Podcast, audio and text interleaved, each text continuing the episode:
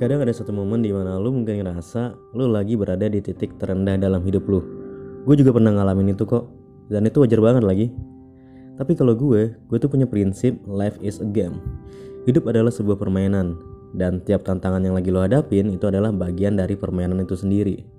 Dan kalau lo pengen naik level, lo harus selesaikan tantangannya dong.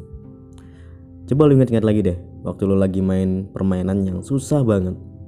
Walaupun sulit, lo pasti bakal terus main. Kenapa?